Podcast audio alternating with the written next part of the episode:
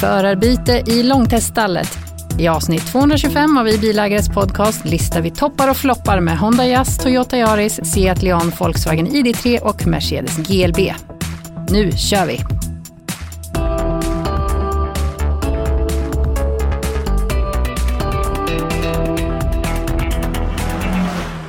Hej på dig som lyssnar. Det här är alltså Vi Bilägares podcast. Jag heter Maria Dalin och den bästa bekvämlighetsfinessen i en bil tycker jag är rattvärme. I love rattvärme. Även om den är kanske ofrivilligt aktiverad som eh, bilen som du kör i Klas. Ja, precis. Du kanske inte tycker att rattvärme är din eh, favoritfiness? Nej, den är ju på konstant, även efter uppdateringen tyvärr. Ja. Och tror det var förrgår så trodde jag det var solen som låg och brassade på tills jag insåg att shit, det är ju rattvärmen som är igång igen. Ja. Så jag, den lurar mig väldigt. Det är alltså. Volkswagen ID3 vi pratar om och den ska vi gå in på mer sen. Men Claes Skarin, om du får välja då vilken bekvämlighetsgrej du tycker bäst om, vad är det? Det första som slog mig var sån här fotknapp för helljuset faktiskt. Jag tycker om att göra någonting med vänsterfoten också när jag kör. Ja, den, den får Eh. inte sitta sy- sysslolös. Vilken var den senaste bil du körde som hade den finessen kvar? Ah, Cadillac Coupe de Ville 83. Ja. Eh, men eh, jag kan tycka i och för sig, det förutsätter att man inte bromsar. Det, och, men jag, jag tycker sådana här soft close är väldigt eh, Mm. trevligt också, både på bagageluckan och eh, dörrar. Liksom slippa slänga igen allt. Anders Helgesson, vad tycker du? Alltså inte rena säkerhets och livräddande grejer utan liksom bara lite guldkant i billivet. Vad är bästa finessen enligt dig? Jag skulle säga att det är, eh, ja, vad kan det vara? Jo, men eh, alla de här kopplingarna till telefonen. Blåtandskopplingen är ju jättemysig. Särskilt om det är trådlöst eh, Android Auto eller Apple CarPlay. Mm. Nils Svärd, bästa finessen enligt dig? Mm, ja, du sa någonting där lite grann om trådlös, den här trådlösa mobilladdaren eh, är faktiskt inte helt fel. Ibland, i alla fall vi som hoppar runt med olika bilar så glömmer man sladdar och hit och dit och då slipper man få räckviddsångest. Eh, men jag skulle faktiskt ändå vilja lyfta fram någonting annat från mitt egna bilarkiv. Citroëns vibrerande antivingelvarnare. Den saknar jag faktiskt, framförallt nu när man kör massa bilar som är ganska påfrestande med det plingar och det rycker i ratten och allting när man närmar sig en linje. Men den här Citroën C6 jag hade för jättelänge sedan, det bara vibrerade stolen på den sida som man var på väg att passera eh, linjen och det var, ganska, det var en ganska mysig funktion, nästan lite för mysig kanske för man låg och körde på linjen en lite längre sträcka när man hade kört länge för att få lite rumpmassage. Så det var Men- inte i ratten alltså utan det var... Nej, den hade på sidos, sidodelen av liksom sittdynan som man satt på så durrade lite där runt rumpan när man Mm. kom för nära. Det kanske är därför att det var lite för bekvämt som om de flyttade det till ratten. Förmodligen. Men just nu när det är så många andra mera ilskna så var det trevligt med en liten, liten komfortfiness där Mm. istället. Kalle Karlqvist, vilken funktion lyfter billivet för dig? Först tänkte jag säga två saker som Volvo hade. Det ena var den här plånboksfickan i framkant på förarstolen. Och eh, den här lilla knappen på nackskyddet där jag kan hänga mina svindyra kavajer som jag aldrig har på mig. Ehm, men sen kom jag på att eh, det finns en finess som jag faktiskt upptäckte under det test som jag håller på att skriva just nu.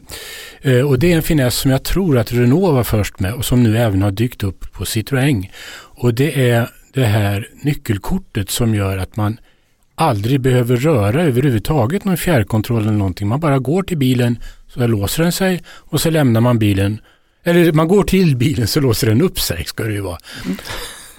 Även Nu är det en fransk bil så den kanske Även om det är en. Renault. Mm. Eh, och sen när man lämnar bilen så låser den sig. Det tycker jag är jättefiffigt. Och det finns nu även på Citroën. På långtest-Clion som vi hade förra året, som jag återupplivade bekantskapen med alldeles nyligen, så, så just när jag kom ner i garaget och skulle köra iväg med den så låste den så vänligt upp sig precis när jag hade kommit in i garaget. Mm. Det, var ju, gest. det var ju också när man råkade snedda lite för nära bilen som de bara sa, jaha, ska vi åka någonstans? Ja. Så man bara, Men sen- nej inte Sen nu. finns det de som har dragit det där lite för långt. Eh, John Dye till exempel som ju hade en finess.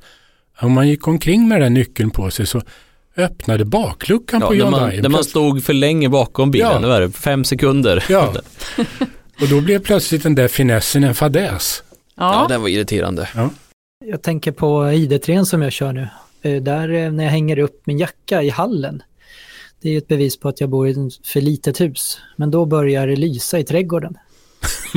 för då har jag ju då passerat runt på baksidan och sen har jag eh, hängaren till jackan mot parkeringen i carporten utanför och då tror den att jag är på väg mot den igen.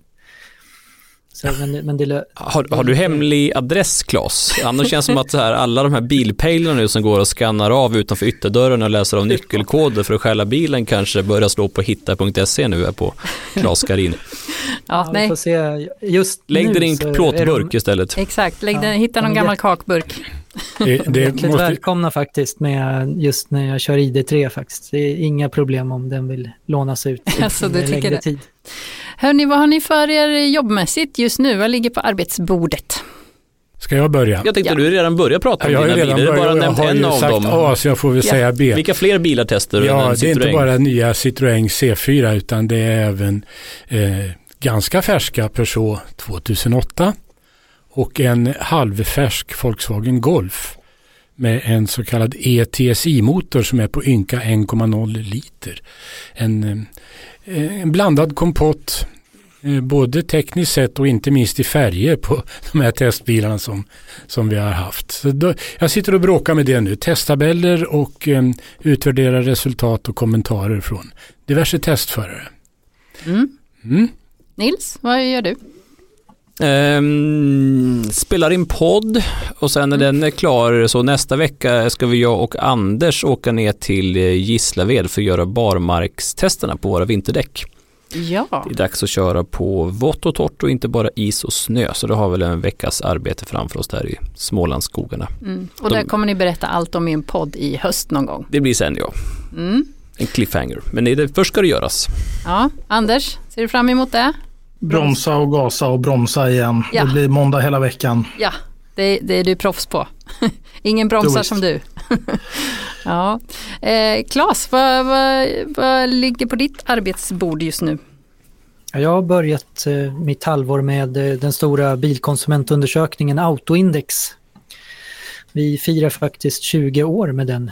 Eh, så att eh, där kommer jag presentera eh, hela listan i nästa nummer. Får vi se om det blir japansk topptrio ännu en gång. Mm, ja, de har ju dominerat eh, de senaste Ja. åren. Får vi se om det Det är blir samma. Mercedes och Volvo och BMW som ligger och flåsar dem i nacken där. Mm. Får avslöja allt senare i en senare podd. Men du nämnde någonting roligt på i lunchen igår Claes, att det är ju också frågat om vilka märken som man inte tycker om beroende på vilka bilar man kör och vilka antagonister det finns. Ja, jag kan se en framför mig faktiskt och det är Audi och Honda. Jag funderar på om jag har fått många arga så här, signaler av Audi-ägare, jag som kör Honda. Den här som körde bara nästan om dig på motorvägen innan den bytte fil, var det en Audi, Maria? Nej, det var faktiskt en Toyota. Så att nej, där höll det inte riktigt. Men eh, ja. Eh, ja, vi fem som eh, är med i det här avsnittet av podden har ju alltså gemensamt att vi kör Vi bilägares långtestbilar under ett år. Och vi ska nu strax byta bil med varann för andra gången och eh, i år och ska summera den här upplevelsen. Och Inför det här avsnittet så bad jag er allihop att göra en varsin lista med fem bra och fem dåliga saker med eh, långtidsbilen som ni kört den senaste tiden. Ska vi gå i bokstavsordning? Då är det i så fall Honda Jazz som börjar och det är jag som har kört den. Ska vi börja med det bra då? Vad jag tycker är bra med den. Eh, inga buggar. med tanke på bilen jag kört. Vilken befrielse det måste Ja. det varit. Ja. En gång ställde klockan om sig en timme fel när jag startade den. Men eh, jag startade Apple CarPlay och hoppade klockan rätt och då var den rätt även utanför Apple CarPlay. Så jag vet inte vad det berodde på. Men det löste sig själv i alla fall. Eh, nummer två, sushilådan som jag kallar den. Himla trevlig eh, ovanför handskfacket eh, förvaringsutrymme som man liksom slipper få luckan i knät när man öppnar. Eh, väldigt bra. Jag tycker även om eh, mugghållarna Honda Jazz, att de står framför liksom snett framför föraren och passageraren där finns det eh, mugghållare. Och framför luftutblåset, så jag menar på sommaren så kan man ju hålla sin vattenflaska kyld. Jag tycker det är en fantastiskt briljant placering. Mm. Just nu när man har värme är det väl kanske lite, ja, Just nu är det en fantastiskt usel placering, Ja. snart blir det bra. snart blir det bra. Eh, jag gillar även eh, den mjuka gången, de här mjuka knäna som vi har pratat om tidigare. Tycker jag funkar väldigt bra i åkkomforten. Och eh, som sista plus då eh, på min lista är ju de här Magic Seats. Tycker jag. Det får plats mycket grejer där faktiskt. Om vi då ska gå in på det som jag inte gillar eh, så är det, apropå det jag sa med finesser där i början, rattvärme. Det finns ingen rattvärme i Honda Jazz Crossstar och det finns inte i någon Honda Jazz Crossstar som man kan få, eller hur? Det är, Nej, vi Det kikar stämmer bra. på det. Det går inte att få. Man- Men när man köper en vanlig jazz kan man ju få det, men inte om man köper den här terrängversionen. nej, precis. Så om man köper en eh, fullutrustade vanliga Jazz, då kan man få rattvärme, men inte i den fullutrustade Crossstar Jazz, vilket är konstigt tycker jag. Så man både spar pengar och man får rattvärme om man nu skippar den här terrängutstrålningen. Ja. En annan grej som jag inte gillar det är eh, strålkastarna. Eh, de är inte bra. Det är inget ljus, det är små stearinljus och ljusinställningen också. Jag, jag stör mig så mycket på det här att den är på auto och vrider man om till halvljus så varnar den och plingar innan man går ur bilen när man har stängt av den. Precis det här jag har klagat på på eh, våran, eh, vad var det? Var det Corollan, Toyota Corolla ja, förra långteststallet. klassisk japansk Ja, icke-finess så att nej, det, det tycker jag inte om. Kan det inte bara få vara halvljus och så är det bra så. Det behöver inte varna. En till grej som jag inte gillar lika mycket det är ljudet bilen ger från sig. Det är en himla dammsugarilande. Och ni säger Nils och Anders att ja, det är min körning det är fel på för att jag gasar för mycket. Men ibland måste man gasa lite för att komma om någon annan. Och då är det så mycket det blir sånt vrål så jag tror att de hör det i den andra bilen och det är lite ah, Ja, det, det, det låter så plågat. Jag tycker synd om motorn alltså. Det är inte, inte lätt för den. Jag Ehm, fick en läsarfråga där, Maria. ja, Eh, Just när det gäller det här ilandet som vi hela tiden tar upp. Och de var några stycken som körde Yaris eh, över flera generationer och de hade aldrig överhuvudtaget noterat det här och undrade vad vi höll på med. ja. Det, Så att jag ställer den frågan till dig. Vad Ja, gör du? vad håller du på med? Ja, jag vet inte. Får jag bara komma till Marias försvar. Det är föredömligt bra att man verkligen använder accelerationspåfarten till motorvägen så att när man kommer fram till motorvägen så håller man redan rätt fart när man sen ska liksom komma in i trafikmiljön. Man ska liksom inte långsamt sega sig upp och liksom komma ut på 70 knyck eller sådär i 110 vägarna. Är det inte väldigt bra att eh, motorn ylar och att det hörs i den andra bilen? Då vet ju de att ja, här kommer Maria Dalin. Ja, det, Håll undan. ja, det blir de verkligen medvetna om ska Ja. jag säga. Så att det är nästan så att de kör i diket för de blir så nervösa. Eh, låter som bröderna Cartwright kommer ridandes där på Ja. filen. dan, dan, dan, dan, dan, dan, dan. ja. Dan. Ja, Eh, ja, en- en till grej då eh, som jag gillar lite mindre med Honda Jazz Crossstar då, det är eh, farthållaren. Den tycker jag inte är bra, det vet jag Anders, även fast du tycker, du tycker väldigt mycket om Honda Jazz och eh, du saknar den, så vet jag att du också hade vissa synpunkter på den här farthållaren, eller hur? Ja, den var väl lite... Mm, det känns som att den inte ville funka alls ibland. Jag har ju gjort misstaget bland annat att jag har lagt den i B-läget istället för D-läget.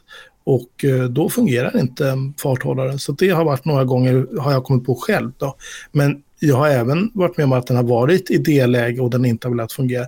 Plus att de här knapparna är ju rätt så otydliga. Mm. Men vad, vad säger du, varför funkar den inte i B-läget då, om man ska förklara det tekniskt? Eh, Därför att då ska den ju motorbromsa så mycket som möjligt. Jag tycker väl de med japansk logik att det är helt omotiverat att köra med en farthållare om du ska bromsa. Ah. Ja, kanske ligger någonting i det, men ja, varför inte? Skulle, varför skulle det inte funka ändå, även om man kör den i B-läge? Ja, och, och den stänger ju av sig eh, helt omotiverat och säger inte varför den stänger av sig och den är lite, jag upplever den som väldigt velig och lite konst, alltså man känner när den accelererar och bromsar in och lite så här, ryck, den rycker liksom farthållaren. Ja, det finns ingen finess i den. Nej, den är inte mjuk den gången utan den är väldigt ojämn. Eh, och som sagt den stänger av sig. En gång så tror jag att det var för att det var väldigt skarpt motljus. Det läste i instruktionsboken, då kan den stänga av sig. Eh, men de Ja, det andra, andra gångerna det har hänt så vet jag faktiskt inte varför. Eh, sista grejen då som jag är lite mindre nöjd med. Visst det är ju en liten bil men den är väldigt smal. Eh, det är väldigt smalt baksäte så det är inte så kul för de som åker där. Eh, går ju inte att fälla ner mitt eh, armstödet om man har två barnstolar där på, på sidorna. Eh, så det var min lista. Vad, vad tycker ni om Honda Jazz? Ja, jag tycker ju om den, men det har ju framgått med önskvärd tydlighet sedan tidigare. Ja, det, det är en bra bil på många sätt, det är det faktiskt. Den är eh, som sagt, det, det är liksom väldigt problemfritt bilägande tycker jag överhuvudtaget med den här bilen. Och det är väl det som Honda brukar klara sig väldigt bra på i autoindex Claes. Visst är Honda-ägarna väldigt, väldigt nöjda genom historien? Ja, det, de är nöjda med sina bilar och även märkesverkstäderna som är anslutna är väldigt populära och är duktiga på att ta hand om sina kunder, bilägarna. Maria, visst vart du uppringd av en Honda-verkstad som sa att de hade fått det här nya luftfiltret som skulle komma till oss och frågade om inte vi skulle in och prova det. Jo, det- det var Tommy som ju blev uppringd i alla fall, men han eh, skrev till mig att nu får du in och byta det här eh, nya filtret som de har som ska kunna filtrera alla möjliga partiklar och eh, coronavirus och allt vad det är det ska eliminera. Eh, så ja, det var ju väldigt eh, Så det var som ingen återkallelse, det var mer en inbjudan som vi fick. Liksom. Ja. Om ni vill kan ni komma förbi och få det här nya, nya luftfiltret som är effektivare än det gamla. Precis, så eh, det, det var ju himla smidigt och det gick ju snabbt att byta. Så att, eh, ja, det, det har jag bara positiva erfarenheter av. Ska vi lämna Honda Jazz och gå in på nästa bil, Mercedes GLB och den är det Kalle som har kört, eller? Ja, det är det. Precis. Och um, det har ju under min period med bilen hampat sig så att jag dessutom parallellt har gjort flera stycken biltester för tidningen. Så att um, min körning med bilen är inte särskilt lång men däremot så har jag haft många som har velat låna bilen. Vilket ju kanske säger någonting om dess karaktär också. Men om jag ska ta mina egna intryck först då så är det ju en Eh, jag sa till Nisse här innan sändningen började att, eh, att den är en traktor. Mm. Eh, I positiv och negativ bemärkelse. Det är en ganska speciell Mercedes-Benz tycker jag. Den liknar ingen annan Mercedes. Eh, karossformen är speciell och eh, den har en bruxig framtoning som eh, nästan andas lite 1960-tal från Mercedes. En ganska flärdfri bil. Ehm, jag har trivts väldigt bra med bilen. Den korta sträcka, de korta sträckor som jag har kört. Det är fem bra saker med den. Det första är ju helljuset som är alldeles fantastiskt. Ehm, jag tittade just i ljustestprotokollet här och helljuset når nästan 250 meter med 40 meters bredd. Så att eh, man ska vara bra skumögd om man inte trivs i mörkerkörning med den här bilen. En annan sak som är typisk Mercedes och verkligen så i GLB det är ju att den har stenhårda stolar. Eh, Det, det är sådär som, jag kommer ihåg, det finns ju, när man låg i lumpen så skulle man befälet kunna släppa ett mynt på det sträckta överkastet och det skulle i stort sett studsa upp i handen på befälet igen när han kollade om man hade bäddat ordentligt. Har du provat? Ja, det kan man göra på Mercedesen. Man får myntet i pannan. de är stenhårda de där stolarna och man tycker att, i början att det här går ju inte. Men ju mer man kör den desto bättre blir det. Så det här är alltså en bra grej? Ja, jättebra. Kanonbra. Mm. Det finns ju en missuppfattning att eh, bilstolar ska vara mjuka. Eh, ju hårdare stolar desto bättre säger jag. Eh, de passar mig i alla fall. Sen tycker jag också väldigt mycket om en finess som jag, när den kom så tyckte jag att det var en onödig sak. Ehm, men ju mer tiden har gått desto mer förstår jag att det är jag som har haft fel och det är backkameran. Eller backningskameran, Anders. Ska vi säga backkameran eller backningskameran? Ja, är det backspegel eller backningsspegel? Det är en väldigt bra fråga.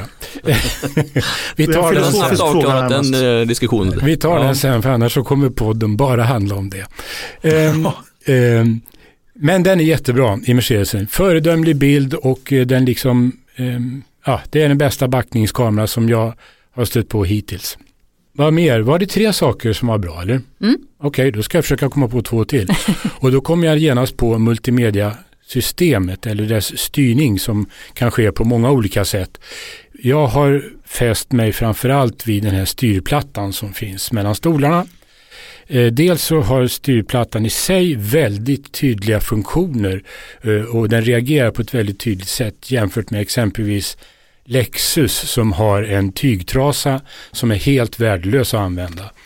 Eh, så, så är Mercedes toppenbra och dess, har dessutom ett litet handstöd, handloven. Det är en nästan pimpinett finess i bilen men det är faktiskt jättebra det där lilla stödet. Och sen är det som vanligt eh, växelväljaren. Den lilla pinnen till höger om ratten. Det är fortfarande bilvärldens bästa automatlåde växelväljare. Tycker jag. Nej, jag håller med. Ja. Um, så det är fem bra saker med Mercedes GLB. Nu ska jag försöka komma på fem dåliga. Um, ska jag skicka lappar här kanske när vi sitter bredvid dig? Fusklapp. Nej, nu ska vi se. Jag har ingen fusklapp. Jag viskar lite byggkvaliteten. Ja, byggkvalitet. Ja, bra, tack. Nu kommer sufflö, sufflören och sufflösen här.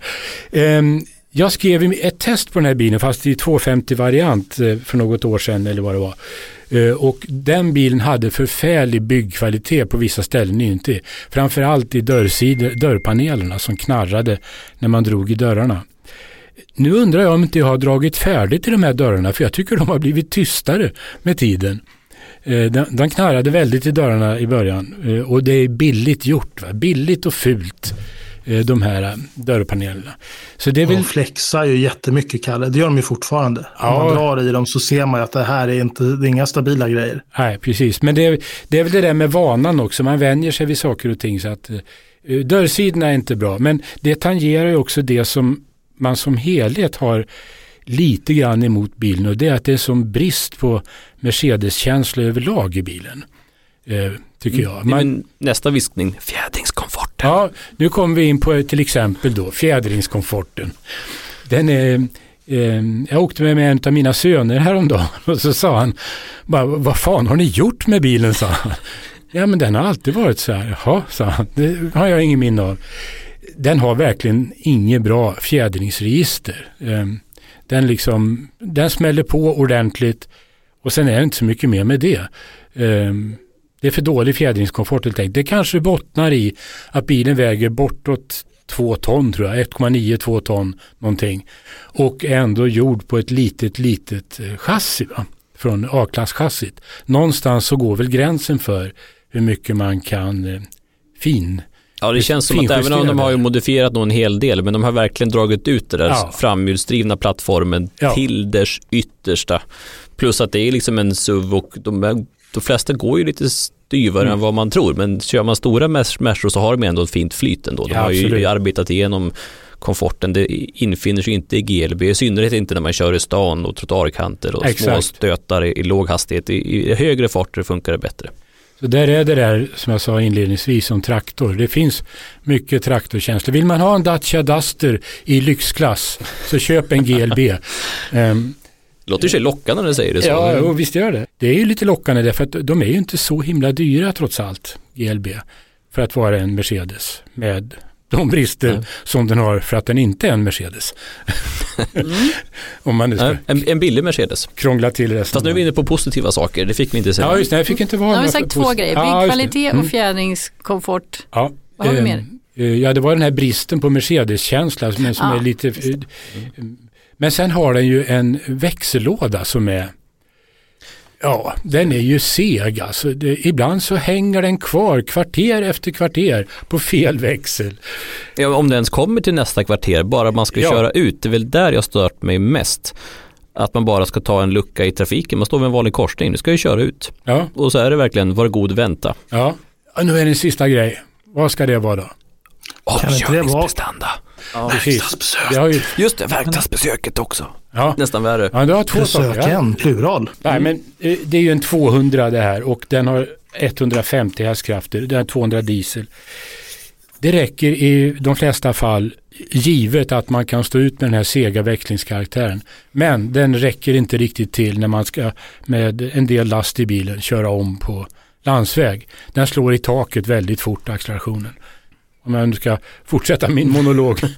Sen har vi också ett fel då som, som, eh, eh, som vi råkade ut för. För inte nog med att den var eh, lite seg att köra. En dag så blev den jätteseg att köra. Ja, jag kommer ihåg att du skrev ett mejl att den går inte snabbare än 70. Mm. Eller vad var det? Ja. Där tog det stopp, eller där, där planade ut. Det, Det blev inte planade mer. ut, ja. Ja. Ja. Och det tog ungefär 26 sekunder att nå 70 km i timmen. Så att någonting var uppenbarligen fel. Motorlampan lyste eh, och bilen, eh, när jag var ute och prov, provade, det var en, en gästchaufför, en av mina gästchaufförer som hade råkat ut för detta. Och när jag provade själv så kunde jag bara konstatera faktum. Bilen gick jättedåligt och eh, lyckligtvis så har jag en Mercedes-handlare inte så långt från där jag bor eh, en sån här jätteanläggning, stor som Arlanda flygplats, Hedin bil i Uppsala. Jag åkte dit, eh, obokat, bara tog mig fram till disken och fick en eh, extremt positiv kundupplevelse. Jag sa att jag har en Mercedes eh, GLB 200 diesel som går i 70-75. Jaha, sa de, den tar vi hand om på mobilitetsgarantin. Eh, de fick ju registreringsnummer på bilen förstås. Ehm, vi tar in bilen och du får det här pappret och så går du bort till hyrbilsdisken där och så får du en hyrbil. Jag gick bort till hyrbilsdisken där och fick en hyrbil. Ehm, och ett löfte om att komma tillbaka om två arbetsdagar så skulle saken vara ordnad. Så att eh, inte ens tio minuter senare så satt jag ute på motorvägen igen i en Mercedes, fast en annan Mercedes. Och höll de det där två dagar då? De höll det utan vidare. Jag kom efter två dagar och eh, bilen var klar. Och då hade vi råkat ut för ett fel som jag inbillar mig inte är så vanligt nu för tiden. På 90-talet så var det väldigt vanligt. Jag vet det var luftmassemätaren som hade givit upp. Säkert samma fel som var på fyrhjulsdriften som också kom Ja, när du hade den, eh, Kalle. ja, Det var ju fyrhjulsdriften slutade fungera, den blev bara framhjulsdriven. Eh, och då var det ju inget fel. De sa att de hade tagit liksom isär den här styrenheten för fyrhjulsdriften och satt ihop den igen typ. Och, sen så var den igång. ja. Så fick den ny mjukvara. Kanske var samma sak där, de tog loss sladden, Mm. satte dit den igen, så var det klart. Den som ska ta över bil nu det är, Det är det jag som tar över. det är Anders. Då ska, du, då ska jag be dig att spetsa öronen när du kör runt 40-50 någonting. Så finns det ett halvsekund snabbt brumljud från transmissionen i den. Det brummar till lite grann. Den där bilen har dragkrok så att om det finns några eventuella defekter i drivlinan på den där så kommer det avslöjas ganska skoningslöst inom en inte avlägsen framtid kan jag redan nu säga. Ja, det är båtsäsong. Ja. För. Ja. Båtsäsongen är igång och den får faktiskt dra båten den där rackaren så att ehm, GLB, du vet inte vad som väntar. En, ehm, en liten chiptrimning kanske skulle vara på sin plats. Ja. Eh, Men eh, hade inte GLB också någonting med airbag eh, inkopplingen? Det var inget fel, det var ju en, en, en funktion som inte är särskilt bra. Ja. Det är det att en eh, Mercedes har ju haft under många år att den känner ju själv av om någon som sitter i passagerarstolen fram men som inte har en fullvuxen vikt. Då stänger den ju automatiskt av eh, krockkudden fram. Men det händer att om man då kör en bakåtvänd bilstol och man har ett eh, levande barn, för det har tack och lov de flesta, som rör på sig och hoppar ibland liksom när de inte vill sitta still. Och så blir det liksom tryckförändringar där i stolen, då slår den på airbagen. Och Aha. då kan man inte stänga av den eftersom det ska stänga av sig själv. Då måste man stanna bilen och lyfta ur barnet och sätta in det igen och starta om bilen.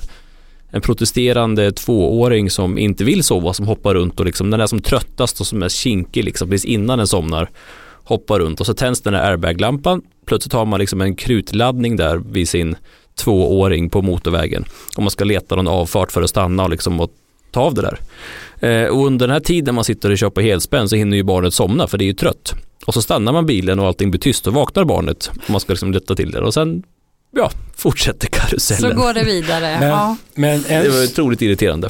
ett, jag skulle nog vilja säga att det där är väl inte en egenskap, det är väl ett fel. Ja det blir ju Det det. får väl man ändå se till att Mercedes sysselsätter en hel kader med ingenjörer och löser det där problemet, för det låter ju livsfarligt. Ja, verkligen. Ja, alltså just kan man kan stänga av det själv. Ja, vi får kolla på det där. Men det här är någonting som, det är inget fel på vårt exemplar om Nej, man nej, säger så. Men det är, så här är ju ett system som Mercedes liksom- har haft som har sina nackdelar. Hur ska den genomsnittlige bilägaren som, jag menar bara det att barnstol, eller stolen själv begriper om den ska slå på krockkudden eller inte låter ju som trolleri. Men sen också att det, det ska gälla med massa undantag. Hur, många, hur ska man kunna kräva att en vanlig bilägare jag tycker det känns tryggare det. att ha att man stoppar in nyckeln på ett ställe och liksom verkligen vrider runt och det klickar till och Ja. man känner att nu har vi desarmerat Jo. den här krutbomben. Det är ändå bra att uppmärksamma er som har en GLB på det här. Om ni Verkligen. har barn som åker i framsätet. Mercedesen har inte den dragit till sig extremt mycket stenskott på Jo, vindrutan också? Just det, det har Herregud. vi. Ja, Det är nästan en liten defekt det med. Det är så rätvinklad ruta. 13 stenskott har den.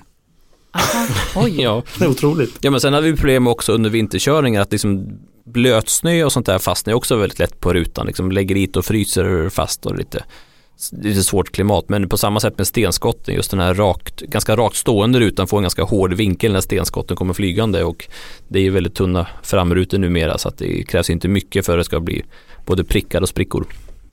Ja, det var det om Mercedes GLB. Ska vi fortsätta långtestgenomgången om en liten stund och först eh, släppa igenom Bilrådet där ni faktiskt allihop är med. Den här gången ska det vara praktiskt och vettigt när det ska väljas andra bil för barnfamiljen. Varsågoda Bilrådet. Hjärtligt välkommen kära lyssnare till en ny episod i vår serie Bilrådet. Målsättningen är att vi ska komma med en gemensam rekommendation om vilken bil vår vilsne frågeställare ska välja. Och jag, Tommy Wahlström, är beredd att använda såväl utslagsröst som mute-knapp för att vi ska komma till hem till slut. Men ännu är alla regler uppe alla mikrofoner påslagna och panelen redo att gripa sig an dagens uppdrag. Bakom en av mikrofonerna hittar vi biltestaren Nils Svärd. Nils, du säger att eh, du mycket hellre köper bil privat än av en bilhandlare. Förklara hur det kommer sig. Jo, men på begagnatmarknaden vill man ju veta liksom mer om bilens historik och då vill man komma hem till det här paret eller individen som har tagit hand om bilen och se hur de bor, hur är rabatterna, hur är stenläggningen, är hemmet välstädat? Tar man hand om sitt hus så tar man hand om sin bil på samma sätt. Eh, Så man vill inte se en massa vrak och ogräs i rabatten för då känner man att då har de ju missat servicer och det är annat slarv i Ber du historiken. även om att få barnens betyg? Nej, eh, någonstans får man dra gränsen i hur långt in i privatlivet man går. Men man vill sitta nere i köket, dricka kaffe, liksom skriva kontrakt och Mm. höra liksom vad de har gjort med bilen. För det tycker jag är jobbigare att köpa hos en handlare. Man har ingen aning om vad det är för tjomme som har kört den här bilen innan mig. Kalle Karlqvist, vad är det som får dig att eh, komma till skott och trigga igång och verkligen slå till på en bil som du tittar på? Ja, det, det är som jag brukar säga att jag, jag är en sån här hopplös romantisk natur så jag har nästan bestämt mig redan när jag åker hemifrån. Och sen så är jag alltid beredd att överse med både blämmor och småbucklor och något litet rostigt hundben och vad det nu kan vara. Jag är inte så himla bekymrad över skicket på min bil faktiskt, när det gäller det optiska. Jag är mera intresserad av hur är den att köra, hur känns det i, i leder och bussningar etc. Det är nog där jag sätter min, mitt fokus faktiskt. Du har tidigare berättat här i bilrådet att du aldrig kliver av en gång när du väl har åkt ut och tittat på en bil. Nej, precis. Och det, det är väl det som är kontentan egentligen av det jag säger. Men, men, men ehm, jag vet inte, jag tycker jag har fått ett, en blick med åren. Jag vet inte hur många tiotals eller kanske hundratals bilar jag ägt. Och rätt, jag, jag, jag har någon slags eh, sinne för att eh, den där bilen är rätt. Och det är de ju nästan alltid när jag kommer med plånboken i högsta hugg. Mm. Anders Helgesson, vad tycker du är viktigast att kolla upp när man ska köpa bil? Oj, det är så mycket. Det klassiska är väl serviceboken. Men ehm, ja, nej, men ska jag säga bara en sak så är det ju serviceboken, att den är rimligt ifylld. Men det är klart, finns det en diger bunt med kvitton och liksom historik i övrigt stämmer så är inte, ja, har man tappat serviceboken och blivit bestulen på den så är inte det hela världen heller. Om man kan dokumentera allt utlägg och sådär som har gjorts med bilen. Men servicebok säger jag. Claes Garin, vilken är den bästa bilaffär du någonsin gjort? Oj, eh, ja, eh, generellt sett tycker jag det är svårare att sälja bilar än att köpa bilar. Men eh, alltså äldre bilar har ju en förmåga att eh, öka i värde. Sen eh, jag köpte en, en skeva Impala från 63 för 30 000 och sålde den, var det tio år senare, för 150 000. Hoho! Men då hade jag ju liksom renoverat den själv. Så det var väl ett x antal timmar nedlagda, men hittar man rätt, men, men det är ju entusiastbilar. Men jag tror att ja, det får nog räknas som den, den bästa bilaffären. Generellt sett så ju äldre bil man köper, ju mindre händer det ju. Värde, värdeminskningen är i princip noll. Det är några tusenlappar på fem år. Så skippa bitcoin och Tesla-aktier utan köp en gammal skeva istället, det det du säger. Ah, jag tror man kan hitta betydligt bättre märken än så. Eh, vad, vad har vi sett på Ferrari Testarossa här nu senaste fem åren som har ökat liksom flera hundratusentals kronor? Man ska ju ha pengarna från början också. Ja. Jag hoppas att eh, ni alla är på ert allra mest nyktra, foträta och sansade humör för denna veckas scenario. Fredrik, berätta vad det är som eh, Bilrådet har att ta ställning till idag. Mikael och hans rationella familj behöver en begagnad andra bil för max 200 000 kronor. Som mest ska två vuxna och två små barn åka med, men i hushållet finns redan en rymlig Toyota kombi när lastbehovet tränger på. Den nya bilen ska rulla cirka 2 000 mil per år under de kommande fem åren och ska göra detta så billigt, tryggt och säkert som möjligt. Körglädje är inte prioriterat. Vad ska Mikael välja? Nils, du får börja idag. Ja, jag var inne och nosade på det här för någon podd sedan, eh, men här blir det ännu mer tydligt att det är en eh, elbil de ska ha. En Hyundai Ioniq Electric får man ju på begagnatmarknaden kring en 200 000. Eh, en bil som dessutom har ett ganska vettigt baksäte för att skjutsa runt barnen på diverse aktiviteter. Mm. Så jag säger en sån. Hyundai Ioniq alltså och räckvidden räcker, ja. Det låter ju som de bara ska köra omkring i närområdet ändå, men ganska ofta. Så många och korta körningar, så även de här första generationen med lite mindre batteripaket och räckvidd klarar sig ganska bra. Dessutom är det så att de halvlångpendlar på någon motorväg så är det här en elbil som är ganska snål i högre farter jämfört med andra elbilar som tenderar att dra upp energiförbrukningen ganska rejält Mm. med hastigheten. Kalle, vad säger du? Ja, jag var inne på exakt samma spår egentligen som Nisse, fast om han nu redan har sagt Hyundai Ioniq så finns det ju en, ja, det är en bil som jag inte kommer att rekommendera honom, för den, den, jag har en bil som han ska få, hans rationella familj. Egentligen behöver de ju ingen bil till, som jag förstår det, om de nu är så rationella. Men en BMW i3 kan man få för ungefär samma pengar som en Ioniq. Kruxet med den, det är väl i sådana fall möjligen att de där barnen som idag är små kommer att vara mycket större om fem år och då kommer de nog tycka att det där baksätet är lite för litet. Sen är det jobbigt, förlåt, men man, om man släpper av dem på träningen så måste man i framsätet kliva ur Ja. också för att sen kunna öppna bakdörren för att kunna släppa ut dem bakom. Precis. Det är ju lite besvärligt. Men Ändå. de, är, de tränar inte de här, de, de spelar dataspel bägge två. Så att eh, de sitter hemma. eh, nej, men eh, så att eh, I3 går tyvärr bort av det skälet att barn har en, en obändig förmåga att växa till sig. Utan jag får nämna istället att eh, kollegan till Hyundai Ioniq kan väl vara mitt eh, förslag då. Det är alltså en Kia Niro med eldrift. Som är i stort sett samma bil med ungefär samma egenskaper men det är ändå inte samma emblem och så som på Nisses val. Får man en sån för 200 undrar jag? Ja, det en kanske man Kia inte gör. Kanske man kan få, eh, få in i budgeten om man vill ha någonting lite spännande, mer spännande former. Men, men Kalle, om du vill så får du ju ansluta dig till Nils redan nu också. Ja, men då, då gör jag naturligtvis det, för det var också mitt eh, val egentligen. Ja, men, En Hyundai Ioniq. Och det, men då får förstår inte man, varför emot för. man får nöja sig med en 28 eh, batteriet. Jag tror inte att 38 batteriet är nere på de priserna riktigt än. Men alltså vi har två pinnar på Ioniq eh, redan, Anders Helgesson. Det här är väl redan klart då, eller? Ja, faktiskt. Fast mina kollegor har ju missuppfattat det här. Eh, tu- 2000 mil, det är alltså 4,6 mil per dag nästan i snitt. Så att det här är ju inga kortpendlar. Den här bilen går ju. Så att jag säger Ioniq hybrid. Och sen får man och då avgöra om det ska vara laddhybriden eller inte. För för budget så får du faktiskt in en laddhybrid också. Så jag, jag säger nog ändå att de skulle gå på en laddhybrid för att få ner kostnaden för alla korta sträckor.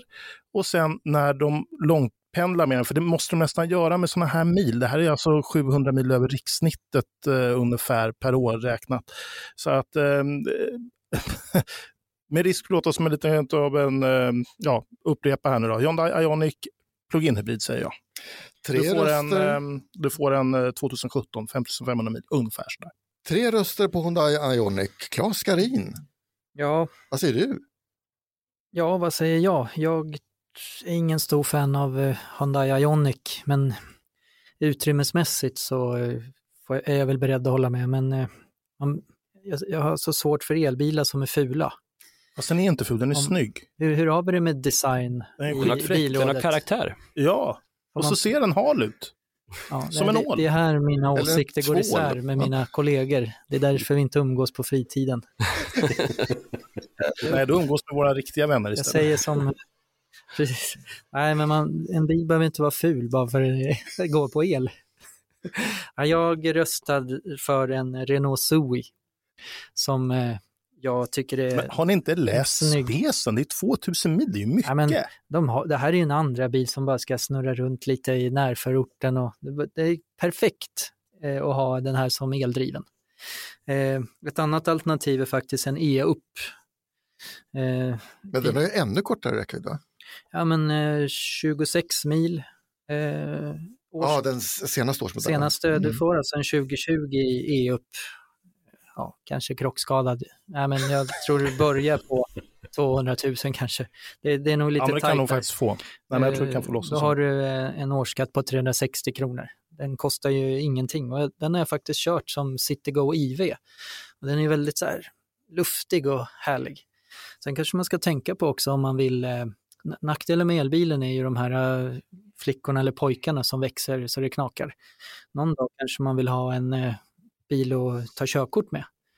Då är det lite tråkigt att de inte kan eh, ta vanligt körkort. Så, men då kanske man får köra runt i den här eh, Toyotan trots allt. Mm.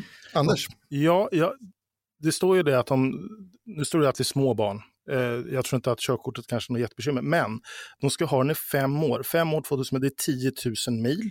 Och alla elbilar vi har nämnt är lite äldre, så att när de närmar sig de sista två åren så kommer det inte finnas någon batterigaranti på det här. Vågar man då som trygghetsnarkoman som inte har någon glädje i livet, vågar man satsa på en elbil? Nej, jag tror faktiskt att en laddhybrid är helt rätt väg att Men- gå. Jag vill bara Det är fortfarande samma problem med batteriproblemen där. Ja, men när batteriet lägger av så har du fortfarande en liten bensinmotor där fram och batteriet kommer i alla fall ta lite laddning. Men du kommer inte få en halverad räckvidd potentiellt.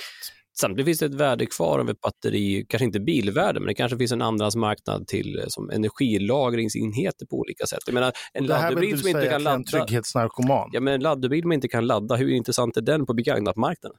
Jag tror den är ganska intressant ändå, för du kommer fortfarande kunna ladda den. Kanske säga att den har tappat halva kapaciteten så att det kommer 2,5 mil på el. Det är ändå rätt okej. Men ska vi skippa, ska vi bara säga hybrid utan sladd överhuvudtaget? Då? Ja, det bara köpa en Toyota Corolla kan du ju få liksom för en eh, 200 000. Du har en Ja, Ioniq vanlig hybrid, skulle funka också. Och den går ju också på två kaffe, kaffekoppar. vad är det för fel på Toyota Prius?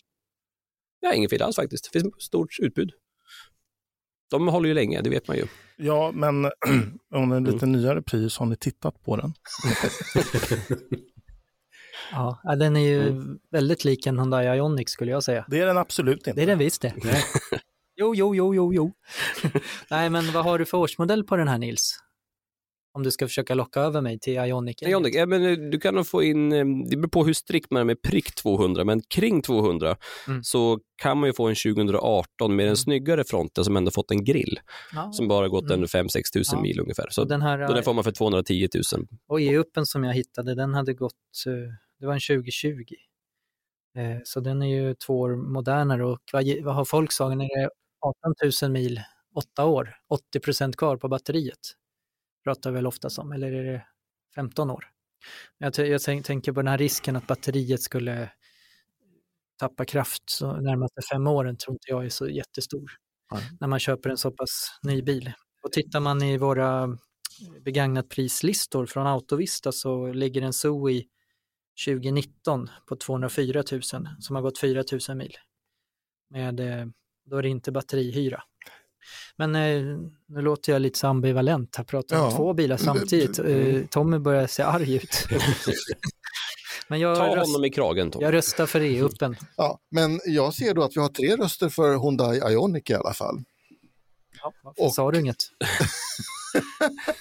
Claes, kan du tänka dig att Absolut inte. trycka in dig i det? Då trycker vi in dig med våld. Måste vi det? Ja, Eh, Även okej. Men ni tror alltså att det finns en allvarlig risk för att batteriet däckar på 10 000 Jag mil? tycker det verkar inte finnas sådana tendenser om man ser på elbilar hittills, historiskt sett. Eh, Så håller de nog bättre vad man befarar. Om man sköter dem rätt. Jag tror inte man kommer snabbladda så mycket, utan man kommer nog bara ladda hemma och Mm. hålla det här lite inom eh, komfortnivån för batteriet. Och det vi har sett faktiskt i våra konsumentfall, när, där läsare hör av sig med problem, det är att faktiskt så är det verkstäderna som inte riktigt hänger med i utvecklingen. Fabrikerna de pumpar ut nya elbilar, men verkstäderna vet inte riktigt hur de ska hitta felen och laga det till en rimlig peng. Så där har man ju sett rena fantasifakturorna från märkesverkstäder på 100-150 000 när batterierna går sönder och sen är det en liten komponent för 1500 kronor som e- egentligen behöver bytas. Det tror jag är en, en stor risk om bilen går sönder, att du inte kan vända dig någonstans. Men där tror jag eftermarknaden, eh, hit, du kan hitta andra lösningar. Att det kommer att mogna tror du? Eller? Ja, jag tror de kommer bli bättre på det. Men Ja. förhoppningsvis går den inte sönder. Ofta kan man ju fixa några enskilda celler, liksom, att om det blir problem. Man behöver inte byta hela batteripacken som Nej. märkesverkstäderna vill göra för att det är den enkla lösningen. Nej. Eller att man kan få dem att köpa en ny bil istället med en skrämma dem med en saltad faktura. Anders? Och jag kan tillägga att det finns inte på kartan att gå och hitta nya modellen för den här budgeten. Billigaste jag hittat, det är visserligen 2018, men det gamla modellen och lilla batteripaketen kostar 210. Ja, men det är den nya bara fronten. Det är den snygga fronten. Snyggare. Mindre ful. Jag sa ingenting om större batteri. Bilrådet har kommit till ett eh, beslut mina vänner. Det blir en Hyundai Ioniq och den blir elektrisk. Ah? Ja, Med Ja. bensinmotor i. Vill du ha Bilrådets hjälp? Då får du skriva till oss på adressen redaktionen snabelavibilagare.se. Berätta lite om vad du önskar dig, ge oss en budget och så ska vi se om Bilrådet kan klura ut någonting klokt åt dig. Det var allt vi hade att bjuda på för idag. Tack för att du har lyssnat. Hej då! Hej då! hej då. Bilrådet har gjort det igen, en elektrisk Hyundai Ioniq alltså. Så, ska vi gå vidare med långtestbilarna och eh, nu har turen kommit till Seat Leon. Och är det Anders som har kört den kanske? Ja, det känns som jag knappt har suttit i den där bilen, men det visar sig att det har jag ju faktiskt gjort en hel del tydligen. Eh, Men det, det är samma där. Nils har ju varit och slagit sina lovar runt eh, alla bilar som är fjällkompatibla och dit räknas ju även Leon. Så Jag ska säga lastkompatibla är väl liksom det nyckeln. Jag har ju sagt suttit i en Yaris och knappt kunnat lämna stan med hela familjen. Ja, vi ska säga att även Klas Karin har gjort samma sak. Så att eh, stora eller bilar med bra utrymmen eh, är ju de som är poppis här. Och eh, där har vi ett plus för Leon, för den har väldigt bra utrymmen. Det är en rejäl kombi faktiskt, trots att den inte är jättelång. För vi skulle börja med det positiva, så tar Ja. vi det negativa sen. Precis, det var en, utrymmena. Mm. Eh, sen tycker åtminstone jag att jag sitter alldeles förträffligt bra i den där bilen. Det är en ganska fast stol och den är rätt så skålad. Vi har någon så här FR-modell så att det blir lite mer sportig stol. Jag gillar den skarpt. Tredje skälet att, som är bra då med, med Seat det är att hybriddrivlinan är ju faktiskt riktigt rackarns välfungerande. Och man ser hela tiden, man har en sån här förbrukningsmätare på momentanförbrukningen. Och där ser man ju att elmotorn är inne och hjälper till nästan hela tiden så länge det finns ström i det här batteriet. Och den hjälper till mycket. Man som ser verkligen hur förbrukningen sticker iväg. Om man kör på farthållaren och det går från kanske, säg 100 upp till 105 i det här halvköflödet på motorvägarna. Då ser man liksom att den accelerationen, den belastar inte förbränningsmotorn, utan det är elmotorn som tar den. Och det tycker jag det, det är snyggt gjort och det, det funkar. Sen går ju, det har gått jättesnålt bitvis. Så länge det finns ström i batteriet ska ju sägas. Men det får bara tillägga en sak där. Det som är konstigt med den är att den inte visar det på sin liksom grafik över hur, hur hybridsystemet arbetar. Där ser det ju ut som att den verkligen bara kör på bensinmotorn och sen, eller bara på el. Man ser inte Ja. de här blåa elektriska pilarna hur mycket den faktiskt arbetar. Man blir lurad. Man måste ju få fram momentanförbrukningen både el och bensin för att se vad det är egentligen som händer. Och det, det är väl ingen nackdel, men jag tycker det är konstigt att de inte framhäver det mer. Ja, och det är lite irriterande för den där momentanförbrukningen. Jag, hade ju, jag försöker ju köra den här bilen, eller det gör jag med alla bilar, jag kör den aktivt för att få dem att gå eh, effektivt. Eh, och då vill jag även ha koll på oljetemperatur, framförallt kylvattentemperaturen på eh, förbränningsmotorn. För att den vill ju inte jag ska dippa för mycket för då kan jag inte använda värmen för att hålla igång värmen i kupén utan då måste jag ta ström från batteriet och det vill jag inte för det ska driva bilen. Så ibland så får jag ju växla ifrån då så att den belastar förbränningsmotorn så kylvattnet blir varmt igen. Eh, det är supernördnivå, jag vet, men väldigt irriterande att den inte har det i en grafik då istället, man ser hur, hur motorerna arbetar. Så he helt rätt Nils där. Och då kan jag säga, det har jag faktiskt sagt som en separat punkt på plussidan, men egentligen kanske vi ska räkna in det i, eh, i att det är en findrivlina. Det är att den är ju riktigt snabb om man vill. Ger man benet på den där, då sticker den iväg som vad av orden den sista. Om man trycker till på växlingspadden, då kan man golva den utan att den växlar ner så många steg och liksom tokvarvar, utan då bara knuffar den på med el och då känns den ju som den känns nästan som en liten V6 den där. Den är otroligt bottenstark då utan att den börjar yla ansträngt. Så snabb skulle jag säga är plus i kanten på den. Vad har vi nu? Var det fem stycken? Nej, det var fyra. Fyra, ja. Vi har en kvar. Ja, Uh, och det är bra strålkastare, precis som Mercedes. Riktigt bra helljus är det på den. Det märkte vi när vi på och körde vinterdäckstest med den där. Vi körde, mycket, vi körde ju sena nätter, eller rättare sagt tidiga månader med testerna och åkte eh, till och från hotellet i bäckmörker. De strålkastarna är riktigt bra. Okej, men vad gillade du mindre bra med Seat Leon då? Allting annat. Allt. Ja, den går dåligt på vägen med vinterdäck. Eh, vi ska säga direkt det nu att nu är det bytt till sommardäck det har blivit en annan bil. Men med vinterdäck då går den som en skadeskjuten kråka. Den har ålat sig på vägen, den går oroligt, den vill aldrig liksom hitta ett lugn. Spårkänslig så in i Norden. Vi har lämnat in den för att få en fyrhjulsinställning. Det hjälpte lite grann, men inte så mycket. Men hjulen stod fel faktiskt, vilket är intressant eftersom vi aldrig varit emot med den där bilen. Så de har stått fel från fabrik. Då. Och sen mer negativt, eh, det tror jag också alla kan skriva under på, menysystemet. Vad tycker vi om det? Det är väl fantastiskt.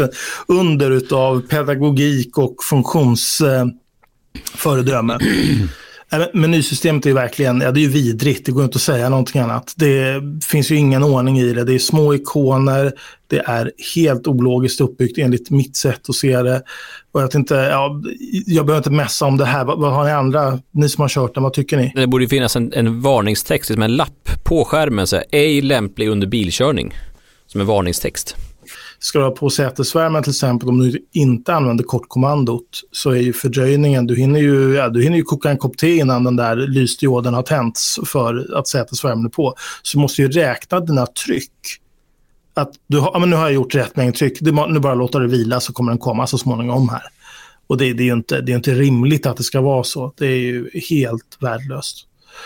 Eh, och sen ska man ju att den går ju att anpassa menysystemet till funktioner du använder ofta, som möblerar runt och sådana här widgets i, i den här skärmen. Och det är ju toppen och man har även då för, eh, så här förarinställningar så man kan anpassa allting in i minsta detalj till individnivå. Jag har ju då en, en förarprofil som jag har ställt in. Precis så här vill jag ha genvägarna. Den här belysningen vill jag ha i interiören.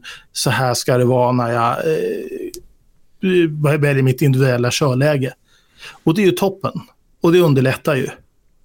Men det underlättar inte när den nollställer den där profilen ja, var tionde körningen. Och sånt. Då börjar, börjar den om. Helt utan logik. Otroligt irriterande. Vad har vi mer då? Klimatanläggningen, det kanske också lite är samma anda där, men den kan få frispel från gång till annan. Eh, få för sig att dra på värmen eller inte värma alls. Eller göra någonting däremellan mycket märkligt beteende.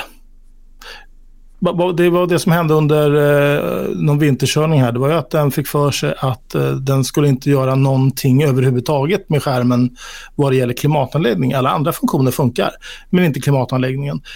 Man kan inte styra om luftströmmar, du kan inte ändra temperatur, du kan inte ändra fläkt. Men den är ändå igång och den liksom, det kommer värme. Men efter en viss tids körning så märker man att det kommer väldigt mycket värme. Då har den ju stängt av bilens klimatanläggning och låter någon form av parkeringsvärmare gå in och den värmer ju enligt vad appen är inställd på. Så att det blir fruktansvärt varmt i kupén. Jag har tagit tre långresor med den och ränt två av tre gånger. Så slutar man, det har jag sagt i en podd, då slutar man liksom med nedhissade rutor på slutet för att bara kunna slutföra resan. För det har alltid varit, tack och lov, i, i slutskedet, eh, sista halvtimmen när man nästan är framme.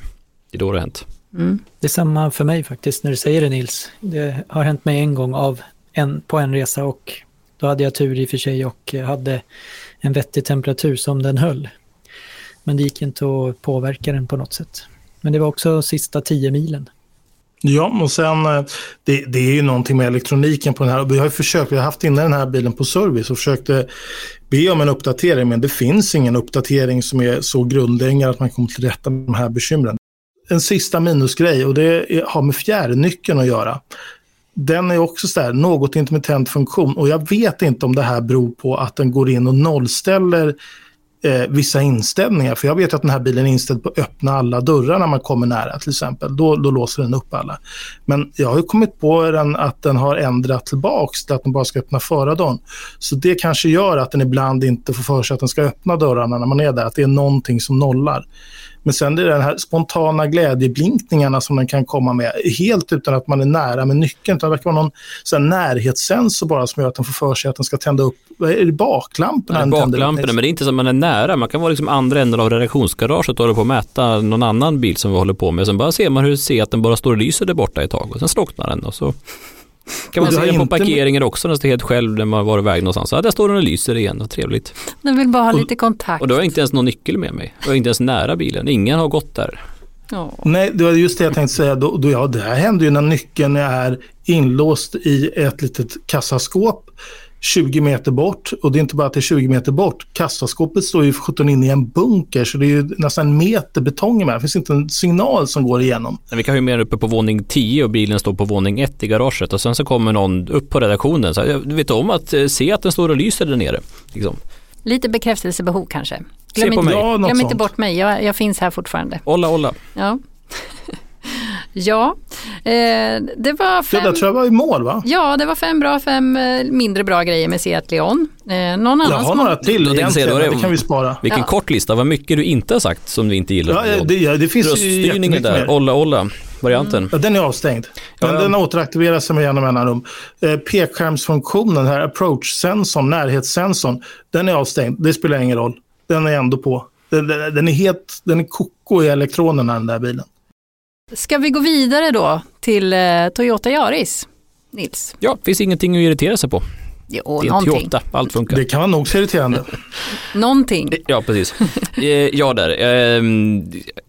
Det är klart att det finns, men inte alls i nivån på Leon. Jag skulle vilja lägga till en oändlig mängd saker på den listan. Jag tror jag smsade, hets, smsade Anders eh, under tiden jag lånade på senaste fjällresan. För jag var duktigt less på den bilen. Jag vet inte hur många sms du fick. Jag jag till och med fick eh, sms från din fru där ett tag med så att det var bra att vi har sett den för den här kan vi ju krocka omedelbart. Nej, men det var det, hon tycker inte heller om det, hon var också ledsen förra resan. Det var det hon sa nu, hon kunde låna någon större bil till våra helgresa liksom. Ja men jag fick tag på Seaten, Anders lånade ut den, han var snäll. Lång tystnad. Ja men det är bra, då gör ingenting om vi krockar. Oj, oj, oj. Hon ville lämna den Upplands Väsby. Liksom. Kan vi inte bara parkera den här? Nu, nu är jag färdig. Vi får se hur det blir för Seat Leon när året är slut. Men Toyota Yaris då i alla fall Nils som du har haft. Fem grejer du gillar skarpt med den bilen. Ja, den första är ju den som vi nog alla har hyllat som kör den och inte minst Tommy var väl lyrisk på vintertestet. Den är ju otroligt kul. Och den är smidig och den är enkel och den passar verkligen som handen i handsken att köra omkring i centrala Stockholm. Liksom en kvick styrning, den svarar bra på gaspådrag. Det är kul Toyota helt enkelt. Och framförallt att inte den är kul som en BMW kan vara kul som är väldigt spårkänslig och liksom kärv och måste brottas med bilen men man känner att man kör den. Den här är verkligen, den är lätt att bara kliva in och köra iväg. Otroligt trivsam liten karaktär. Mm. Eh, nummer två det är egentligen samma sak fast en, en liten längre utläggning. Att den är väldigt pigg och bara köra på elmotorn. Det här är liksom en, en, verkligen ett lättbygge, den här lilla Yarisen. Och den har ju fortfarande väldigt mycket hästkrafter på el. 80 eh, hästkrafter i elmotorn, du tror det är 141 newtonmeter och sånt där. Och den väger ingenting så att den är väldigt pigg på att stänga av sin bensinmotor och köra på el under stor del av körningen och även accelerationsfasen.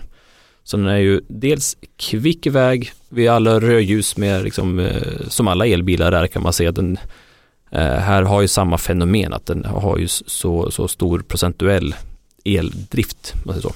Och sedan bensinmotorn, den här trecylindriga eh, motorn som det finns i, i Toyota Yaris. Det är liksom någonting helt fjärran mot vad vi kört innan i de här ganska jobbigt ylande Toyota-motorerna. Fyrcylindriga motorer är inte så roliga att lyssna på. Har man kört en Lexus med CVT-lådor så är det lite småmysigt sexcylindrigt ljud och här får man ett härligt eh, trummande liksom bakgrundsljud som är lite påäggande i den här lilla krabaten. Så att det stör inte så mycket även om motorvarvet kanske blir högt när man gasar på lite extra eller på motorvägen. Tycker inte jag i alla fall. Tycker det är ganska roligt faktiskt. Och eh, sedan vill jag lyfta fram framstolarna i våran bil. Vi kör väl en style som har väl lite, ett, eh, åtminstone ett tygklädseln lite annorlunda om man jämför bilderna. Men jag sitter väldigt bra i framstolarna för att vara en, en småbil. God sittkomfort. Och eh, likaså fjädringen är ju också väldigt bra anpassad för att vara en cityloppa och köra runt i stan över trottoarkanter så. Den är ganska mjuk och följsam just när man kör i låga hastigheter där många bilar blir lite stötiga och styva innan fjädringen får börja jobba ordentligt. Så som helhet en väldigt, väldigt härlig bil att köra omkring i. Ja. I stadstrafik. Finns det då någonting som inte är så bra? Ja, tillbaka på minussidan här. Vägbuller. Eh, vi sa ju från vintertestet att den ändå gick ganska komfortabelt att ta med på lite längre körningar. Det var med de mjuka härliga vinterdäcken. Nu har vi fått på sommarsulorna som är lite styvare uppbyggt och hårdare gummi och herregud vad det bullrar. Framförallt på den här extra aggressiva vårasfalten. Det brukar vara som mest vägbuller nu när det är lite uppruggat med vinterdäck och, och lite annat och inte hunnit slipats till. Men eh, ja, det blir liksom naturlig hastighetsbegränsning någonstans mellan 80-90. Fortare än så vill man helst inte köra. Mm. Jag kan ju säga, jag ska ju ha den där bilen i sommar och eh, säg så här, vinterdäckssäsongen kommer börja tidigt i år, säg juni. Nej, Ja, du, är det du väljer småvägar ja, men den är istället. hemsk. Ja, det är verkligen ju väsens helt skillnad. galet bullrig. Jag har inte varit med om någon sån bil som har bytt sån karaktär från vinterdäck till sommardäck innan. Så vägbuller, helt plötsligt är det inte den här långfärdsbilen som man vill ha, den ska vara kvar i stan. Och lite frågetecken på förbrukningen också, för den går ju, som jag sa, väldigt mycket på el. Den är väldigt pigg att stänga av bensinmotorn, lätt att hålla hastigheten även högre farter på el. Men varför drar den ändå ganska mycket sås?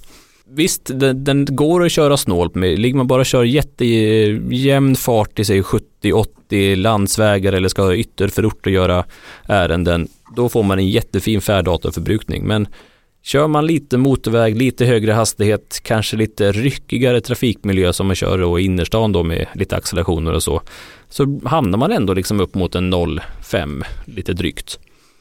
Mm. Ehm, ganska snabbt. Och det är nog det här med den lilla bensinmotorn, att, som vi sett från flera, det är inte bara Toyotas, det är ju framförallt Ford som vi pratar med, som höll på med det här länge, vår gamla långtestbil. Att när de väl får en belastning så blir de ganska törstiga. De klarar inte av att arbeta riktigt så, så avslappnat som den fyrcylindriga motorn i våran Corolla från förra året som jag tycker var, det, var mycket lättare att köra snålt med. Baksätet är ju verkligen ett gigantiskt kliv tillbaka jämfört med föregångaren som var en ganska, alltså tämligen rymlig småbil. Det här är ju Det var inte... nästan lite högbyggd busstukad ju, de gamla Yarisarna. Ja visst, det var bra ställe att sitta på. Man kunde skjutsa även lite större ungdomar.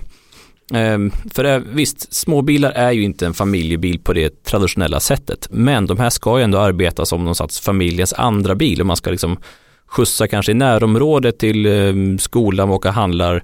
Man skjutsar till träningar och sådär och inte använda familjens stora bil som kanske är för längre sträckor. Men då måste man ju liksom ändå få in barnen i bilen. Och dörröppningen bak är ju otroligt liten. Dels öppnar ju dörren knappt någonting alls i vinkel. Dessutom är det inte så mycket liksom, hål i karossen att kliva in i. Så bara få in en sån här framåtvänd barnstol är ju ett litet projekt. Och när, där den väl sitter där, då får ju knappt min sjuårige son plats att komma in. Liksom. Det är ganska bökigt och ännu värre är att lyfta in fyraåringen och hjälpa in honom på plats. Alltså det är väldigt, väldigt, väldigt trångt baksäte och det tycker jag är ett starkt minus. En modern småbil ska i alla fall kunna köra barn i baksätet. Och det finns ju inget isofix fram som man har på många europeiska småbilar, att man kan sätta en bilstol fram, utan man måste sätta den bak. Ehm, det fantastiska tjonget när man stänger en dörr. Den här är ju verkligen en plåtburk som var länge sedan man körde. Jag vet inte, måste bläddra tillbaka till någon Fiat Panda på 90-talet tror jag för att ha någon liknande icke-dörrklang. Det är ju, ja, plåt deluxe. Det, det är kanske inte riktigt det jag vill ha när jag ändå köper en bil för 225 000. Får jag eh, komma med ett inpass där när det gäller själva dörrtjonget. Eh, så är det så att eh, Eh, på 80-talet så skaffade en bekant till mig en Corolla kombi. Och i dess instruktionsbok så stod det under miljö, en liten rubrik, eh, så stod det att vi har alla ett ansvar för att bilen inte ska eh, störa omgivningen så mycket. Så slå inte igen bildörrarna utan stäng dem försiktigt. Toyotas dörrar är gjorda för att stängas med mjuk hand ungefär, stod det. Man ska inte tjonga igen dem. Det var fint att det står i instruktionsboken. 1985 ungefär så stod det så på Corolla, en grön Corolla kombi. Mm. Mm. Ja, det kan vara värt att plocka upp igen kan jag mm. tycka. Så, så tjonga inte. det finns en viss charm i det på något sätt men det är, ja, nej, men ändå till den här prislappen det är lite mera, lite kan de arbeta bort det här plåt-Niklas-känslan. Eh, Bristande belysning får vi ta upp då som en sista punkt. Mörkt i baksätet som inte har någon lampa och ganska mörkt fram också. Eh, med då svårigheter att hitta dörrhandtaget ens för att ta sig ut. Det var fem bra och fem eh, mindre bra grejer då med Toyota Yaris. Då har vi kommit till sista bilen på listan, i alla fall i bokstavsordning, Volkswagen ID3 och det är Klas som har kört den. Vänta, vänta innan Claes börjar här. När vi kommer till listan dåliga sektioner. Jag föreslår att lyssnaren nu går och tar sig en kopp kaffe och liksom hämtar lite styrka för det här, det här kommer ta ett tag. Ja. Nej då, ingen fara, sitt kvar. Ska vi börja med fem bra saker med Volkswagen ID3? Ja, absolut.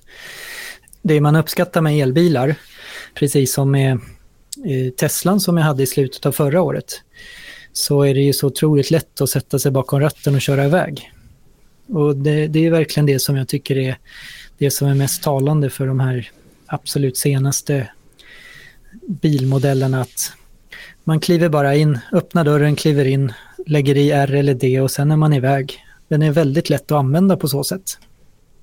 Det är nästan, min fru säger att den kör av sig själv. Det är som en spårvagn tycker hon.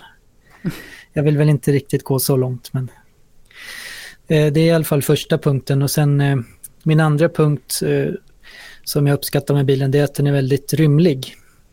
Och jag tycker att hela bilen andas någon slags rymlighet. Det är mycket beror ju på den här avsaknaden av växelväljare som de har flyttat upp lite så här motorcykelaktigt bakom ratten. I och för sig kanske Mercedes växelspak är ett strå vassare men den här är inte långt ifrån. Eh, och det gör ju att hela mittkonsolen är bara en stor orgie av massa supersmidiga och lättanvända fack. Man kan ju få ner det mesta där och det, det bara fortsätter. Och särskilt induktionsladdningen för mobilen tycker de har lyckats bra med också. Man bara pillar ner mobilen. Sen är det bara ett problem hur man ska få upp den. Men den laddas effektivt i alla fall. Sen eh, tycker jag även att eh, laddningen som min tredje punkt är väldigt bra. Jag tycker att eh, laddluckan sitter bra bak skärmen. Men något annat som jag uppskattar är i alla fall den tydliga batterinivån som syns längs den här ljuslisten som går på ovansidan av instrumentpanelen. Den syns väldigt bra utifrån också. Det här är jag helt övertygad om att många lyssnare absolut inte bryr sig om, men jag tycker det är viktigt med, med en bra stereo. Det gör ju turen till jobbet på morgonen betydligt tre trevligare när man hör Barry White och Can't get enough of your love baby. Då är det ju max på stereon som gäller. Är det lite så här pepp på väg till jobbet? Exakt. Volymen gör att filen i, i skålen dansar. Så att säga. Nu blir det en bra arbetsdag. Och sen är det ju häftigt med den här, som ni har nämnt tidigare också, med den eh, i och med bakhjulsdriften och elmotorn där i bak så kan man ju få en extrem styrvinkel på framhjulen. Och det är det enda man måste tänka på, jag märker det med, det är inte alla som förstår hur extrem eh, vändradie den här bilen har. Utan man fortsätter att backa och köra fram precis som en vanlig bil. Jag brukar tipsa om det, fortsätt snurra på ratten så kommer du märka hur, hur, hur snävt du kan svänga. Man tror att här borde det ja, ta visst. slut. Men ja, det gör inte nu får det vara nog. Men då är det bara att köra ett halvt varv till. Är det så att man tvekar på att uh, man kommer runt så avbryt hellre än att chansa. Så lyssna inte riktigt på Klas för det kan bli dyrt. I och för sig. Klokt. Men okej, det där var fem bra saker. Claes, har du någon lista med saker du gillar lite mindre med Volkswagen ID3? Nej, det har jag faktiskt inte. Nej, okej. Nej, då. Nej, men det har ju verkligen varit en, eh, en, en eh, mardrömsstart för våran stackars ID3. Jag tyckte du sammanfattade det där bra Maria. Liksom, du kommer sakna elbilen men du kommer inte sakna ID3.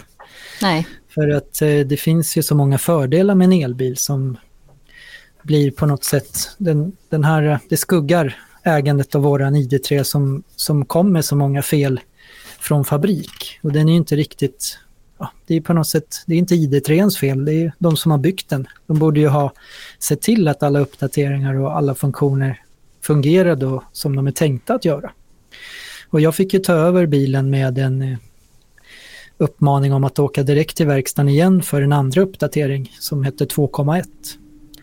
Och det ska jag väl säga att då, sen dess har ju omstarterna försvunnit. Det dök upp en massa fel på drivsystemet och även Travel Assist som gjorde att ACC inte gick att använda. Och det har jag faktiskt sluppit senaste två veckorna. Så där visar det sig att uppdateringen fungerar. Och sen eh, tyvärr då så blev jag uppmärksammad av verkstaden som gjorde ett jättebra jobb, även om det tog tre dagar att uppdatera bilen. Serviceindikeringen som brukar stå då med antal dagar och kilometer förmodar jag. Den nollställs även vid en mjukvaruuppdatering, vilket är helt felaktigt. oj, ja, Ja, så det innebär ju i sämsta fall att du passerar eh, alltså den eh, maximala antalet dagar eller mil i värsta fall och då faller ju bilens garantier. mm. för bilen kommer inte varna längre när du närmar dig en viss, eh, när det börjar bli dags för Ja, att den är Den nollställd. varnar ju, men den varnar ju alldeles för sent för den räknar från uppdateringen då och det är ingen service. Så att I vårt fall nu så för två veckor sedan så börjar den om på två år. Och miltalet finns inte där, men det ska vara 1500 mil och två år från det att vi fick bilen levererad. Så nu fick jag besked från verkstaden. De sa vissa bilar har möjlighet, där har vi möjlighet att gå in manuellt och ändra det här så att det funkar för kunden. Men på vår bil så gick det inte. Och det innebär att vi måste ha kontroll på det här själva nu. Sen sa se, se till nu så att ni inte passerar 1500 mil eller två år, för då faller era garantier. Och det är ju inte så här, ja, det, det är kanske inte det beskedet man vill ha när man har lämnat in bilen på verkstaden extra gång för en mjukvaruuppdatering. Men det där låter ju helt bisarrt. Skulle våra garantier, våra nybilsgaranti skulle gå åt pepparna om vi inte själva håller koll på miltalet? Ja, så är beskedet från märkesverkstaden just nu. Sen i princip är det ju omöjligt för oss, för vi kommer ju Mm. eh, ha svårt att passera 1500 mil innan nästa uppdatering kommer. Och då, det är ju 3,0 och då har de lovat att det ska finnas en lösning att skriva in det här så att det blir rätt igen. Så, men de som kör extremt långt, där finns ju risken trots allt. Vi kanske ska skicka ut en eh, liten varning då till er som kör ID3. Ha koll på om ni har haft in den för Mm. uppdatering. Titta vad som händer med den här, det här in, indikeringen för serviceintervallet. Absolut, det är helt rätt för då går man bara in på fordon och sen så klickar man på status och sen in på service och där kan man se hur många dagar det är till nästa service. Jag tänker också på rattvärmen, det är en sån riktig skitsak tycker jag som vissa älskar rattvärme, vissa tycker inte om det. Jag hör till den senare delen och Jag hör till Jag den får- första. jag får, ja, precis. Men det är så irriterande att, man inte, att den bilen inte kan stänga av en sån enkel funktion. Att, att det sitter massa ingenjörer som glömde att få med det i senaste uppdateringen. Det har jag också svårt att tro, så jag, vet, jag förstår inte vad problemet är. Men grejen är att rattvärmen går igång varje gång du startar bilen. Oavsett Ja, om du säger att jag vill inte ha rattvärme när jag startar bilen så går den fortfarande igång. Går den igång på högsta då? För den har ju tre steg. Nej, bara på första Okej. av tre. Men Ja. det är tillräckligt varmt så att jag ska börja svettas om händerna. Ja. Och det är ju faktiskt, eh, på vintern så är det ju förträffligt. Men eh, det är inget som jag vill ha på sommaren. Mm. Men eh, ja, vi går vidare. Eh, jag har även eh, faktiskt en sak som jag har stört på mig på allt mer. Det är de breda A-stolparna. Jag vet inte vad du tyckte Maria, men jag sitter ju som en uggla i förarstolen så här och försöker titta på olika sidor om den här främre avstolpen för de är delade. Och jag har en, några sådana riktigt stora cykelövergångsställen när jag åker till jobbet som där swishar de förbi hur fort som helst. Och eh, jag får verkligen kolla noga så, så att jag inte har någon cykel bakom den här breda A-stolpen. Hur kändes det för dig? Jag tycker ändå det hjälper att det är ett litet fönster där ändå. Men ja. Eh, ja, ibland som du säger, vissa situationer kan nog bli att man sitter och gungar lite fram och tillbaka. för man ja. ser inte riktigt. Den hamnar precis kan... i fel vinkel då. Ja, det kan nog vara också lite hur vägen är placerad i förhållande till övergångsstället kan jag tänka mig. Jag har väl ett, men det är inte så ofta jag upptäcker att man har döda vinkeln framåt, åt sidan. Det tycker jag är problematiskt och eh, sen är det ju faktiskt så att eh, jag, jag ska inte kasta min fru här framför bussen men jag, jag tar henne som en sån här helt vanlig normal eh, bilkunnig person. Och första gången hon satte sig eh, i bilen bredvid mig, det var jag som körde, så sa jag det till henne. Eh, kan du sätta på radion tack? Du har fem minuter på dig. Och då skrattade alla i bilen, men alltså det, det var helt omöjligt. Eh, och det bevisar ju bara hur krångliga menyer de här som finns i, eh, i, i gränssnittet, tycker jag. Det är väldigt svåra menyer. Men du, du, då vet du vad som väntar Nils. Ja, ja sagt, jag har kört CT Leon. Jag tror ID3 kommer att bli en, en, en befrielse. Mm. Ja, jag är nästan säker på att du kommer tycka att du hamnar i ett ännu värre helvete. Vi får se. Jag har varit i Seat Leon och tillbaka som man säger. Precis. Men med ID3 så tänkte jag på att jag ofta fick börja om, alltså att man går tillbaka till den här orangea eller vad det nu är för färg på den, fyrkanten i menysystemet. Att man alltid mm. började om och så fick man gå in i alla dörrar igen, liksom på det här stora slottet som är infotainmentsystemet. Man ska hitta rätt eh, mm. flygel till allting. Men då får man liksom hela tiden börja om från början och gå in och liksom i labyrinten. Det, ja. Ja, ja, det, det är verkligen en, eh, en vanlig sak och jag, jag tror faktiskt även om man älskar knappar och sånt där så det handlar ju om eh, körsäkerhet, alltså trafiksäkerhet. För jag tror absolut att det här kommer vända om några år. Att, de, att man behöver trycka tre gånger för att ändra en funktion, det är ju flera sekunder som det tas från det viktigaste, att titta på vägen. Mm. Ja, vi går vidare. Vad har du mer på din lista, Claes? Jag tycker att elförbrukningen är eh, relativt hög. Eh, jag, har, jag ligger på 21,3 kilowattimmar nu mot utlovade 15,9. Och det kan man ju, när elen är så pass billig och jag ofta tankar hemma över natten så kan man ju ändå tycka att eh, ja, det borde, varför, vi, vi ligger långt över utlovad förbrukning. Eh, men även om det inte blir så många kronor när man eh, låter eh, elleverantören stå för tankningen. Men eh, ändå så eh, eh, förbrukar den mer el än utlovat. Mm. Och slutligen så eh, får jag nog eh, ansluta mig till dig där Maria när det gäller ljusreglaget. Den har ju knappfria, så att, ja, en knappfri display för allt som har med ljus att göra. Och jag är ju en sån här som gillar att köra med bakljusen igång, även dagtid. Och så fort jag liksom ska sträcka mig ut och på någon sån här drive-through eller för det mesta är det när jag ska ner i garaget och taggar in mig genom garageporten. Då nollställs allting. Så, till exempel ljusreglage. Och då är det tillbaka i auto igen när jag har valt halvljus. Någonting mer om ID3?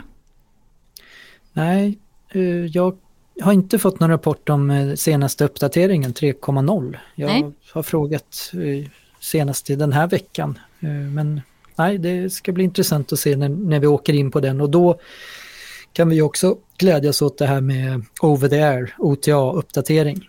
Och det kommer ju, tror jag, lösa mycket för Volkswagen om det funkar. För då kommer de ju börja kunna uppdatera bilar hemma hos, ja, som står parkerade var som helst. Och slippa åka in till serviceverkstäderna. Men det gäller ju också en del mindre uppdateringar har jag förstått, inte alla. Mm. Ja, vi får se när det blir dags för 3.0. Ja. Volkswagen ID3 får avsluta långtestrapporterna för den här gången. Tack för att du lyssnat och vi bilägares podcast är tillbaka igen om en vecka. Tills dess, kör försiktigt och ta hand om varandra i trafiken. Hej då! Hej då! Hej då! Hej. Du har hört Vi bilägares podcast. Om du inte redan prenumererar på podden så gör gärna det, så missar du inte något avsnitt. De senaste nyheterna hittar du på vår hemsida, vibilagare.se.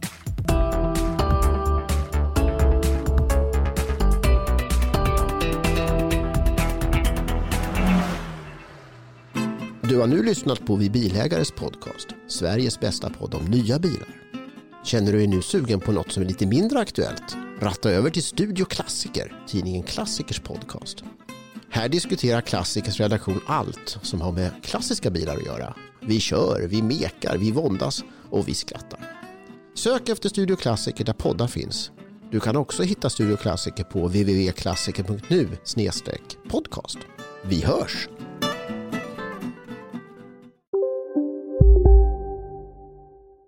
Hej, Synoptik här.